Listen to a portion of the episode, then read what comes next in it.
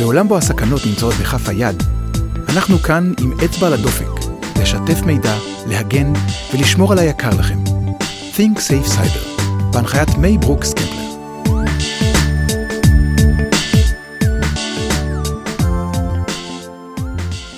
אורן ברט, בוקר טוב. בוקר אור, מה העניינים? נפלא. רוצה לספר לנו קצת מי אתה או שאני אספר? אני חושב שעדיף שאת. אז אני אספר. חוץ מהעובדה שאורן הוא מי שהמציא אותי והוא אשם בכל הדבר הזה, אה, כי עבדנו יחד לפני 17 שנה, 15 שנה? שיותר, משהו כן, כזה, יותר 17, מזמן, כן. מזמן, כשהיינו צעירים ויפים. אז חוץ מזה, אתה איש סייבר ממקימי תעשיית הסייבר בישראל לגמרי. אה, בתפקידך האחרון היית ראש מנהל הסייבר בתעשייה הצבאית. מאז אתה עזבת, עוסק בכל מיני פרויקטים סופר מגניבים, אולי תספר לנו על חלקם אחר כך. בכיף. ורציתי לדבר איתך דווקא על פעילות קצת אחרת שאתה עושה. אז דווקא אני אתחיל מלדבר קצת על מה אני עושה, אה, אוקיי, ואחר כך תדבר. נלך אוקיי. לדבר הזה. אה, אני לאחרונה אה, עוסק בלייצא את למה אנחנו כישראלים עושים אה, סייבר יותר טוב מאחרים, וזה טריק קטן להגיד שזה הגנום היהודי, כי זה לא. 8200, לא? אה, כן, אה, זה- זה- אני חייבת להכניס את זה. אני אוהב להגיד למרות 8200 ולא בגלל, אבל אה, אחד הדברים שאני חושב שנורא מעניינים זה דווקא היכולת שלנו לחשוב, ותכף נדבר על זה גם בדברים אחרים, אבל זה שהצלחנו למצוא דרך להפוך את עולם הסייבר מאתגר להזדמנות, מלהפסיק לחשוב על זה כבעיה ולחשוב על זה כמנוע, זה מה שעושה אותנו שונים אפילו מהאמריקאים. ואת זה אני מנסה למכור בעולם, ול... בהצלחה רבה בינתיים. לשנ, לשנות את הצורה שאנשים חושבים, והאמת שלא רע בכלל. אה, זהו. זה נותן לנו גם המון זמן לעשות את הדברים שאין לנו לדבר עכשיו. נכון. כמו זה שלקחת על עצמך, כמו שאני לקחתי על עצמי את עולם הילדים וקצת בעלי עסקים, אתה לקחת על עצמך להקנות מודעות לאבטחת מידע דווקא לגיל השלישי. אז זהו, את מכירה אותי, אין נכון. סיכוי שאני אעשה את מה שכולם עושים. ברור. אז אני צריך לעשות את זה אחרת. ואני, משהו כמו בשנתיים האחרונות, כמעט כל מוצאי שבת מסתובב מחוג בית של אה, אנשי הגיל השלישי, לא יודע, 70 ומעלה, ההורים שלנו, אה, מסתובב אצלם ומסביר להם קצת למה לא צריך לפחד. וקצת, אה, את יודעת מה, אני אספר לך את זה כסיפור.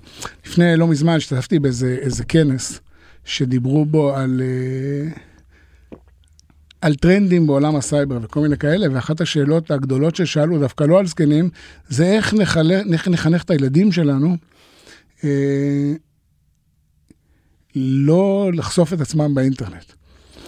ואז וואו. אחת השאלות, ש... ואז אחת השאלות, כשהגיע אליי התור לדבר, שאלתי את המנחה, איך חינכת את הילד שלך לא להשתמש בחשמל? אז אמר לי, מה פתאום, אני מחנך אותו איך להשתמש נכון בחשמל. אמרתי לו, זהו, זאת התשובה שלי. Uh, באנגלית אומרים, uh, make cyber to be commoditized. Uh, לא יודע איך אומרים commoditized בעברית. שאלה טובה. אבל נחפש מילה. שמישהו יפתור את זה. Uh, בכל אופן, הדבר הזה, ש... ההבנה שסייבר הוא לא חיצוני לנו בכלל, אלא זה מה שאנחנו, זאת אומרת, הדבר הזה שקוראים לו המהפכה הדיגיטלית או מהפכת הסייבר, הוא גדול אולי אה, כמו המהפכה התעשייתית, אני חושב שהרבה יותר ממנה. כי אם תיקחי בן אדם שלא היה פה תוך כדי ה-15 שנים האחרונות, הוא מנותק לגמרי מהעולם. אה, ואת זה אני מנסה ללמד את אנשי הדור השלישי. אה, לא ללמד, להקנות. להקנות ידע, כי בסוף, ואולי דווקא כי אני בא מהמערכת, בסוף, תמיד אנחנו, אנשי סייבר, יש לנו שבטים כאלה שאומרים תמיד, אז חוזקה של מערכת ההגנה הוא כחולשת החוליה החלשה שבה, נכון? זה כולנו יודעים להגיד. ברור. אה, אנחנו לא, יכול, לא יכולים להרשות לעצמנו באוכלוסייה מתבגרת, אה, שלא יודע, 30 אחוז מהאוכלוסייה, כן. יהיו הבטן הרכה שלנו. גם, וגם בסוף הם לא יכולים להתחמק מזה. היום גם אבא שלי, שהוא על הקשקש של הגיל הזה, וגם אנשים מבוגרים ממנו, אני רואה את זה ביישוב שאני גרה, משתמשים, שאלו אותי כמה פעמים איך, אה, איך, לי, איך להזמין תור לקופת חולים באינטרנט. תנסי לקבל תוצאה של בדיקות בלי טאבלט, טלפון או מחשב. אני לא חושבת שאפשר. תנסי, לאחרונה שמעתי שהוציאו את הפקסים גם מביטוח לאומי. אז תנסי אפילו אה, אה, לקבוע תור ביטוח לאומי, או ללכת לקבל את הגמלה שלך, או השד יודע מה. זה רק צד אחד של הסיפור. הצד השני הוא שהם נורא רוצים to be part מהמהפכה שלנו. זה גם הגיוני. היא לא שלנו דרך אגב, היא מהפכה של הדור שאחרינו. אנחנו, אנחנו רק נתלים עליה, אבל הם נורא רוצים להיות חלק מזה. ואיזה הם רוצים להיות חלק מזה? אז בואי ניתן לך דוגמה. איך נראה טיסה לחוץ לארץ במאה ה-21? בן אדם מחליט שהוא נוסע לחוץ לארץ, קונה כרטיסים באינטרנט, מזמין את המלון באינטרנט, פשוט כי אין שום דרך אחרת, ואחרי שהוא גמר לעשות את כל זה הוא נוסע. ביום שהוא נוסע זה הולך ככה, הוא אה, מבקש מהשכן הכי קרוב, תיקח את העיתונים מליד הדלת. שלא ידעו שהוא שלא לא ידעו בבית. שהוא לא בבית. ברור. אם הוא דתי, הוא גם מבקש, תכוונו לי את השעון, הוא מכוון לעצמו את השעון שבת. שיהיה- ככה כל שיראה שהאור. נכבה ונדלק, אה, כי גנבים לא יודעים מה זה מחזוריות, אה, ועוד כל מיני כאלה הסוואות של נסעתי לחוץ לארץ ואף אחד לא ידע. אה, שמעתי על לנקות את האבק מה- מהמחצלת ועוד כל מיני כאלה. שמעת להשאיר את הטלוויזיה דלוקה, לא, זה גם כן, יפה. כן, טוב, זה כן. האמת שזה רעיון שבא בכלל מהשאירו אותי בבית, אבל לא משנה. אה, ואז הוא מגיע לשדה התעופה. ושמה, במקרה הטוב, הוא שולח ו? סלפי וואטסאפ לקבוצה שנקראת שם המשפחה ואימפריה, אה, ובמצב היותר אה, מתקדם, מודרני, שבוע, שבועיים לפני זה הנכדה לימדה אותם איך משתמשים בפייסבוק או, או, או אינסטגרם, ואז זה גם עולה לאינסטגרם עם הכתובית, נסענו ל-35 יום לנמיביה. עכשיו, בתובנה של אותו איש דור שלישי, 30, אנשים שגרים לו ליד הבית כבר 35 שנה, הם הסכנה, כי אותם הוא רואה בעין, אבל אני לא יודע כמה מיליונים או מיליארדים של אה, משתמשי אה, פייסבוק אמיתיים או בדויים, זה בסדר. והוא גם לא, רוב האנשים, לצערי, אני מסתכלת כל הזמן ברשתות החברתיות, או לא מודעים, או לא יודעים איך לעשות את זה, או לא מבינים למה זה חשוב, הגדרות פרטיות בפייסבוק. זהו. ובאינסטגרם, וכמובן זהו. כל הרשתות. אז פה אני, כמו שאת מכירה אותי, חושב אחרת. אני לא חושב שצריך ללמד אותם איך לשמור על הגדרות פרטיות, אני חושב שנכון ללמד אותם איך לא לנהל את הקיום שלך באינטרנט, כי מזה כבר אי אפשר להתחמק, אנחנו שם. זאת אומרת, הסתובבת ברחוב, צולמת. אה, הלכת לבנק, צולמת, נכנסת למעלית, צולמת. אה, אני תמיד אומר בהרצאות שלי שהסיבה שלא מוצאים שום תמונה שלי באינטרנט מחטאת באף, זה כי אני מודע לזה שמצלמים אותי. עכשיו, אני מאוד לא שיפוטי, זאת אומרת, אני לא שמי אותי אף פעם אומר אם זה טוב או רע. האם זה שאנחנו מדברים ליד הטלפון על נושא מסוים, ואחרי זה כל הפרסומות יהיו מהנושא הנושא. שדיברנו עליו, זה טוב או רע, לא תשמעי אותי שופט את הנושא. אני, דרך אגב, חוות דעתי הפרטית זה נפלא. גם, זה, גם חוסך, דעתי, זה. חוסך המון. אנשים אומרים לי, לא אכפת לך ששולחים לך פרסומות מתורגתות? לא. אני מעדיפה שישלחו לי דברים שמעניינים אותי מאשר שטויות. מעולה. מהצד השני, בוא נזכור שמקליטים אותנו נכון. כל הזמן ונגיד רק מה שאנחנו רוצים שיישמע. בסדר? ונבין את זה. זאת אומרת, בן אדם שתפסו אה, אה, תמונות עירום שלו, שהוא שלח למישהו אחר באינסטגרם, מעבר אה, לזה שיש. פה עבירה על חוק הגנת הפרטיות, זה בסדר, אבל בסוף, למה העלית שם את התמונות? אז אומרת, אחד הדברים שאני אומרת דווקא לנוער, שאני לא מצלמת תמונה, שיש לי בעיה שמחר בבוקר תופיע בוויינט. אם אדם אומר, וואלה, אני גאה בגוף שלי, כיף לי, סבבה, בא לי תמונת עירום, סבבה. אני לוקחת בחשבון שמהשנייה שלחצתי על הכפתור, גם אם לא שיתפתי אותה מעולם, כביכול, יש סיכוי שמתישהו היא תצא משליטתי. זהו, אבל זה את מדברת על מי שמודע למהפכה. נכון. עכשיו, קחי את אנשי הדור השלישי, אנשי הגיל השלישי, שהם אנשים שזה קורה לידם, שעבורם להפעיל את הטלפון, זאת אומרת, זה שהם נוגעים במסך וקורה משהו, זה סוג של נס. וקחי אותם ותנסי לשכנע אותם, מצד אחד תעשה, אבל מצד השני תפקח, אז, אז הדרך שאני משתמש בה זה להנגיש את זה באמת בצורה של לדבר את השפה. זאת אומרת, נכון. במקום להגיד לבן אדם, תקיש סיסמה, או תעשה סיסמה מסובכת בכניסה למייל שלך, או אל תפתח משהו שנראה לך כמו פישינג, כי עכשיו הזמן שאני צריך להסביר לו כמה זה, מה פי, זה פישינג ואיך לזהות אותו? הוא גם יאבד אותי די מהר. במקום זה, אני חוזר ל snail mail. ומסביר שדואר שיש עליו כתמי בנזין, והגיע ממקום שאנחנו לא יודעים ממי, אני במהלך ההרצאה מבקש שש פעמים מכל מיני אנשים שונים, תנו לי את כרטיס האשראי שלכם. אומרים לי, מה פתאום? אני אומר, אבל נתת לי אותו. כשזרקת את החשבונית ויהיה לו. נתת לי. ואז אני גם מדגים ומסביר איך משחקים לנו עם הראש. עכשיו שוב, למי שמודע ומכיר, או כי הוא עובד בתעשייה כמונו, או כי הוא חי לתוך המפה. יש משהו נורא מצחיק בזה שאימהות בדור שלנו, מסתכלות על הילדים שלנו, הקצת יותר קטנים, שמפעילים טאבלט, ועפות על זה, וואו, איך הוא יודע לעשות את זה? אז בנו את זה לקופים. ברור. כאילו, זה הכי אינטואיטיבי אבל- בעולם. אני תמיד צוחקת עם איתמר, שאתה מכיר אותו. הוא מהנדס, בן זוגי הוא מהנדס, ואני צחקתי איתו שאנחנו כפסע מהשלב שבו אחד הילדים אומר לו, לא, לא, אמא, אמא, את לא מבינה, א- א- אתם לא יודעים מה אתם רוצים, אני אסדר לכם את זה. לא, זה ברור, וזה קורה יקרה, לי- זה קורה לי- יקרה. זה קורה לי כל היום. זהו, קטנים אבל, מספיק. אבל יש לזה שני צדדים, וזה כשאתה מדבר עם נכון. הדור השלישי אתה מגלה. כי מצד אחד, נכון, אנחנו, הכל נורא אינטואיטיבי, נורא מהיר, נורא היפ-הופ ונורא מגניב, ומי שנולד לתוכו, נורא, נורא קל לו להישמר, כי זה טבעי לו, כמו שלא מכניסים אצבע לשקע. מהצד השני, מסתכל על זה, מסתכלים על זה אנשי הגיל השלישי ושואלים את עצמם, אבל האנשים האלה מדברים בכתב החרטומים. כי מה זה נכון. אימוג'י? נכון, לדבר בתמונות זה כתב החרטומים. לגמרי. ואז הם מסתכלים על זה טיפה בזלזול, טיפה בריחוק. ועכשיו יש לזה שתי השלכות שאנחנו חייבים לשים אותן מול העיניים שלנו, אולי אנחנו כתעשייה, כל הזמן. אחד האנשים האלה אבודים בעולם משתנה. ואנשים אבודים בעולם משתנה הם חולשה לעצמם וחולשה לסביבה שלהם. אבל יותר מזה, צריך לזכור שאם גונבים, מישהו גונב 30 אלף כרטיסי אשראי ל... you name the bank. בעיה של מי זה? AIG. AIG כנראה המבטחת של הבנק, וזאת כן. בעיה שלה, שום נזק. גדול לא יקרה מזה. אבל אם מישהו גונב כרטיס אשראי אחד, של בן אדם אחד שיש לו גישה למתקן מאוד מאוד מאוד חשוב, עכשיו אנחנו נמצאים באירוע בסדר גודל אחר לגמרי. אותו בן אדם יכול להיות עובד לשעבר במערכת, שלא מודע לזה בכלל, שהכופרה היא לא בשביל לתת לו את התמונות, לשחרר לו חזרה את התמונות של הנכדים שלו, אלא כדי לגרום לו לעשות משהו אחר בעולם הפיזי. אם הוא לא יהיה מודע לזה שיש לו טלפון להתקשר אליו, אם הוא לא, ידע, אם הוא לא יהיה מודע לזה שלא מדובר פה על גניבה רגילה, אלא על גניבת סייבר, שהיא אחרת. זה לא, זה, זה, בכלל לא באותם כלים. הניסיון לטפל בזה באותם כלים הוא, הוא כישלון מוחלט, הוא לא יצליח לעולם. את כל הדברים האלה אני מנסה להעביר אליהם. אה, ואני עושה את זה בדרך שאני חושב שגם היא מעניינת, אני עושה את זה בדרך נורא חווייתית. זאת אומרת, אני בעצם מספר סיפור. אני מתבל אותו בהמון, לא יודע, את, את, את מבינה, ו, ו, ואנשים אולי ששומעים את הפודקאסט הזה מבינים, אבל להסביר לבן אדם בן 75, מה זה Stuxnet, איך זה עובד, ולמה זה מגניב, לא למה זה מאיים. למה איש... זה ג'יימס למה איש- בונד. למה איש, לא רק בגלל זה ג'יימס בונד, כשאיש סייבר שומע Stuxnet, הוא רואה מול העיניים את הפעם הראשונה שמחשב שבר ברזל. וכשאתה מסביר להם את זה, זה פתאום נוגע בעולם שלהם.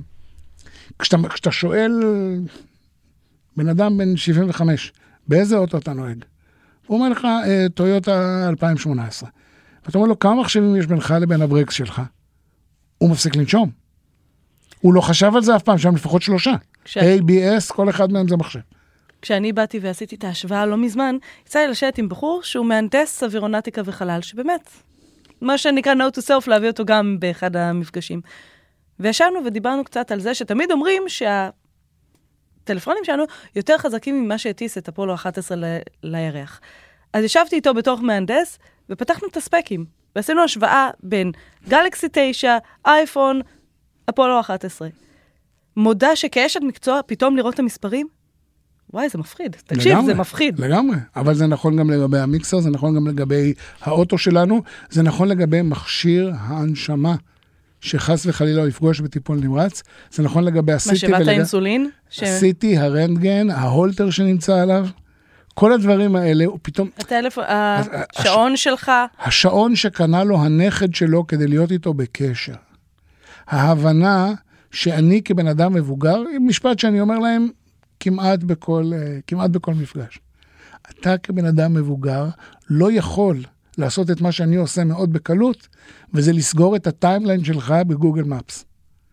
כי אצלך זה אמצעי שאני רוצה להשתמש בו. הנכד שלך רוצה להיות מסוגל to track your phone, no matter לדעת where... שאתה בסדר. לגמרי. נכון. לגמרי, נכון. וזה כלי. עכשיו, בגלל שאתה יודע שאתה לא יכול לכבות, תזכור שאתה צריך לנהל את ה timeline שלך. בניגוד נכון. לי, שיכול לעשות, פשוט לכבות את ה timeline, הוא לא יכול, זה אמצעי. עכשיו, בגלל זה לצאת ממשחק ה timeline, לא, timeline זה אמצעי מצוין. אמצעי נהדר. tracking devices אחרים עולים פי, פי מיליארד. אז זה אמצעי מצוין, אבל תזכור שאתה בתוך המשחק, אתה ערני אליו כל הזמן, נכון. אתה יודע מה קורה מסביבך. אחד המשפטים שאני מסיים איתו כמעט כל הרצאה, הם גם תמיד צוחקים עליי, כי אז הבאתי דוגמה מהעולם שלהם, מישהו שחי לידם, זה אה, אה, פילד מרשל מונטגומרי. אז הם אומרים, וואלה, הבאת מישהו שעכשיו אנחנו מכירים. עכשיו אנחנו כאילו, מכירים, עכשיו אנחנו כן. יודעים מזה. והוא אמר משפט מדהים, אני אגיד אותו בעברית, אה, תרגמו, את, את תרגמי לאנגלית, עושה את זה יותר טוב ממני. אתה לא יכול להילחם בחיצים וחרבות בעולם שהומצא בו כבר אבק השרפה. אתה צריך תותח, ועדיף חזק משל היריב שלך. אז הצלחנו להכניס את הראש, ודרך אגב, בזה אני חושב שאין הבדל. נכון? בין, בין צעירים למבוגרים. אז אנחנו מבינים שחוקי המשחק מסביבנו השתנו לגמרי. אז אנחנו מבינים שאין דרך באמת לא להיות חלק מהמשחק. אם אתה רוצה או לא רוצה אתה חלק, ברור. כדאי מאוד, אחד הדברים שאת יודעת שמשגע אותי, זה הצורה שתעשיית הסייבר שלנו מתייחסת נכון. לתיעוד הביומטרי. וואי, זה אפשר לעשות פודקאסט אפשר שלם רק לעשות על על זה. זה פודקאסט של. של שמונה מפגשים ועשה- ו- ו- ו- בכיף, ואני חושב ששווה לעשות אותו כעימות, כי הדעות חלוקות. אבל אחד הדברים זה אם תסתכלי על מובילי הנגד לאמצעי זיהוי דיגיטלי, ככה אני קורא לזה, לא ביומטריה. אוקיי, זה מובילי תעשיית הנגד זה הסייבר. תעשיית הסייבר, ועל זה יש לי שתי טענות. אחד, על זה משלמים לכם, תמצאו פתרון. בסדר? ככה זה, אמרת שהמצאתי את התעשייה הזאת, או הייתי חלק נכון. ממקימיה, כ- כ- ככה זה קם. אם, אה, אם אה, גיל שויד וחבורתו היו מתלוננים ולא מוצאים פתרונות, אנחנו עד היום היינו מקנפגים ראוטרים. אה, הדבר השני, זה לא רק לבוא ולהגיד, אוי אוי אוי זה נורא, אלא להבין שאם נצליח לייצר מצב שבו בן אדם יהיה מודע לזה, שה-DNA וטביעת האצבע שלו ברור. הם חלק ממאגרים ציבוריים, הוא ידע להתנהג בהתאם. זה מה שאנחנו צריכים לעשות, על זה המשחק. הרי אף אחד לא יחשוב בכניסה לארה"ב להגיד, אה, רוצים חמש אצבעות? לא נכנס. נכון, אבל ההבדל זה, אני חושבת שהוויכוח, לפחות בישראל, זה על איך שומרים את, המ... את המאגר. לא על האם צריך או לא צריך, והאם אמצעי זיהוי ביומטרי הוא טוב או רע. אני אגב איתך, אני חושבת שהוא טוב, ואני כאדם שטוענת שאין לי מה להסתיר, כי אני לא יכולה להסתיר בכל מקרה, אז בהינתן שאני לא אחליט לי להפוך לרוצחת שכירה מחר בבוקר, אין לי בעיה מיוחדת עם אבל המאגר. זה לא רק זה, אבל זה, יש לי בעיה עם איך עושים את המאגר, לא עם מה עושים. אבל אלה ששומעים אותנו מסביב, נכון. אומרים, אם זה מה שאומרים המומחים, אז אנחנו לא נכנס לא- למאגר, ברור. עכשיו זה לא התפקיד. לא. זה לא התפקיד, זאת גם לא הדעה, זה גם לא נכון. דיברנו על זה אלף פעם, להיות מאפשרים, לא מונעים. בי אנייבלר, זה המשחק, זה לגמרי. זה המשחק, ויש יש עוד משהו לזכור, אנחנו חיים, ב- כמו במהפכה התעשייתית, במצב שהלוקומוטיב, הקטר שמוביל את התהליך, הוא אנשים יותר מלומדים, נקרא לזה, נכון. אה, educated. המדהים הוא שאנחנו איפשהו שוכחים שאי שם, ממש מעבר לכתף, יש אנשים שאו מבוגרים מדי, או עסוקים במקצועות אחרים, ובשבילם אנחנו מדברים סינית. וסינית, גם בלי קורונה, זה דבר מפחיד. מאוד. נכון? ואני חושב שה... וזה גם, דרך אגב, אחד הדברים המגניבים נורא במיזם שאת עושה. כי היכולת להנגיש, להפוך את זה חזרה לשפה, to make cyber commoditize, לגמרי. אני חושב שזה המשחק. לגמרי. ההצלחה הכי גדולה של תעשיית הסייבר הישראלית תהיה אם עוד עשר שנים אף אחד לא יצטרך אותנו. זה לא הולך לקרות ולכן אנחנו תקועים פה לחמישים שנה הקרובות. לא, אבל אבל לשם יש- צריך לשאוף. אני מסכימה איתך, יש את הצד הטכנולוגי שבו התעשייה הישראלית נהדרת ומובילה, ואני לא נגד הטכנולוגיה, אני בעד, אני מתפרנסת מהטכנולוגיה. אבל אם לא נחזק את החוליה החלשה, כמו שאמרת קודם, זה נכון, זה, אנחנו לא נתקדם, מה גם שיש, אם דיברתי באחד הפודקאסטים הקודמים עם רונן הרשקוביץ, שהוא בעל עסק, אני לא רואה את החברות הגדולות, את צ'ק פוינט ואת סימנטק ואת דומותיהן, מייצרות מחר בבוקר פתרון זול, זמין, נוח לחברות הקטנות. אני מבינה גם למה אין את הפתרונות האלה היום בתעשייה. לא בטוח שזה רווחי בצל, בצורה הטכנולוגית, כמו שאנחנו רגילים לחשוב על סטארט-אפים. אבל אם אני באה רגע ועוצרת וחושבת על זה בצד האנושי, יש כל כך הרבה פתרונות שאין להם עלות, או העלות שלהם היא נמוכה מאוד. בואי, אני- אנחנו אני- יכולים בואי, אני אני אלך איתך. רגע באותו כיוון. אחד הדברים המגניבים, וממש בכנס שהשתתפתי בו לא מזמן, אה, שנכח בו גם אה, נציג של מייקרוסופט, דיבר בדיוק על הדבר הזה. הכנס עסק בשאלה מה עושה מייקרוסופט במקרה הזה בעולם הסייבר. והם הסבירו על פיתוחים מדהימים, כלים סופר מתקדמים שמייקרוסופט מכניסה לעולם הסייבר. שאלת אותו שאלה פשוטה. ומתי זה יהיה commoditize into the operating נכון, system? נכון. מתי כבר נוכל לדעת ש Windows 10 הוא לא הבדיחה הכי גדולה כשמדברים עליה כשמזכירים, אה, כשמזכירים סייבר.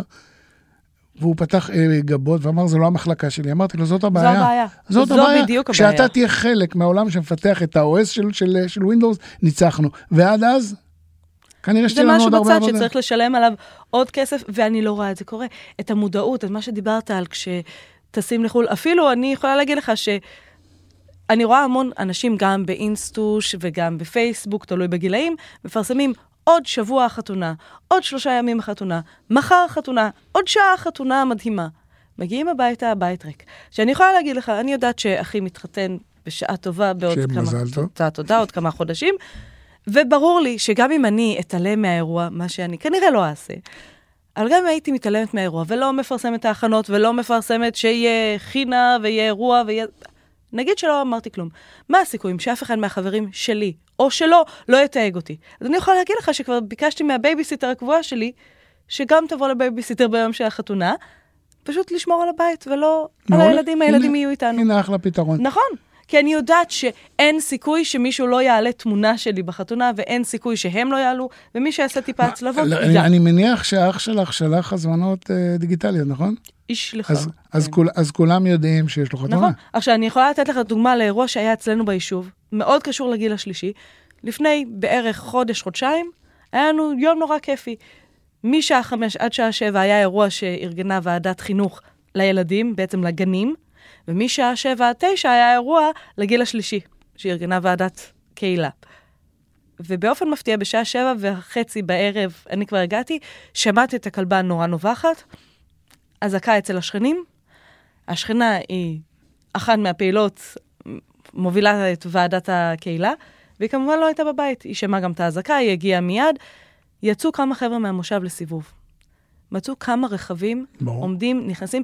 עכשיו, כולם אמרו, מה, איך הם ידעו דווקא עכשיו, שעה וחצי, זה לא שעה לפריצות. זה לא שעה לפריצות, אלא אם כן יש בפייסבוק של הקהילה איזה יום כיפי מחמש עד שבע ומשבע עד תשע. אז תני להמשיך אותך מפה.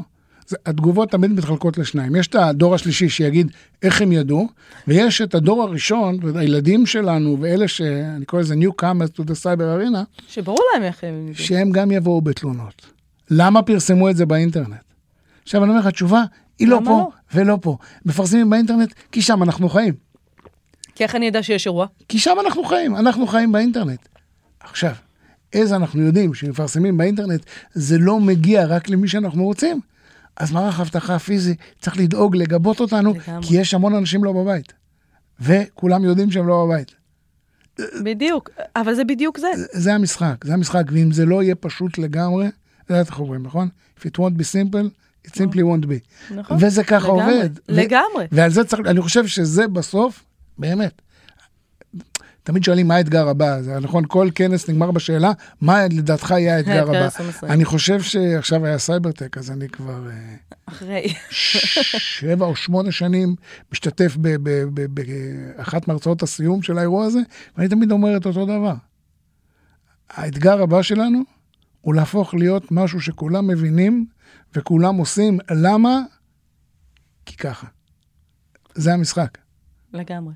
אורן, בוא תיתן לנו כמה טיפים שכל אדם, בין אם הוא בגיל השלישי ובין אם לא, יכול לאמץ וצריך לאמץ כדי להגן על עצמו. אז פה אני ממש מקריא, אני חושב, שקופית, מה, שקופית. מה, מההרצאה שלי. אה, אני תמיד אומר ארבעה דברים. הראשון, לא חולקים מידע עם מי שלא חייבים. שתיים, לא חולקים מידע שלא רוצים לחלוק עם כולם. שלוש, לא נוגעים במשהו שאני לא בטוח שהוא בשבילי, ונשלח ממישהו שאני מכיר, ופה אני מכניס גם אימיילים, אבל גם עוד המון דברים אחרים. אה, שווה רק על זה לדבר, אה, אה, איך משחקים לנו עם המוח, רק על זה שווה לדבר עוד איזה, עוד איזה חצי שעה. הדבר הכמעט לפני האחרון, זה אני אומר לתרום והרבה, אבל רק אם אני יודע למי. לא יודע, התקשרו אלייך השבוע מקבר רחל. מקבר אחר לא, מעזר מציון. עזר כן. מציון, כן. רבי שמעון בר יוחאי, הם מתקשרים כל הזמן. רובם מתו כבר. אה, אני תורם המון. אני רק אומר לכל אחד כזה, תשלח לי חשבונית, תקבל תרומה. תמשיך להציק לי בטלפון, תקבל תלונה, אני אפילו לא צריך להוכיח נזק. נכון? והדבר האחרון, האחרון, האחרון, שהוא תמיד מופיע באדום, בשקופית שלי למטה, אין שום תחליף. לראש עובד, שכל חושב והבנה. אלה, אני חושב, הטיפים הכי חשובים. לגמרי, לכל אדם. לגמרי. אורן, תודה רבה. בכיף.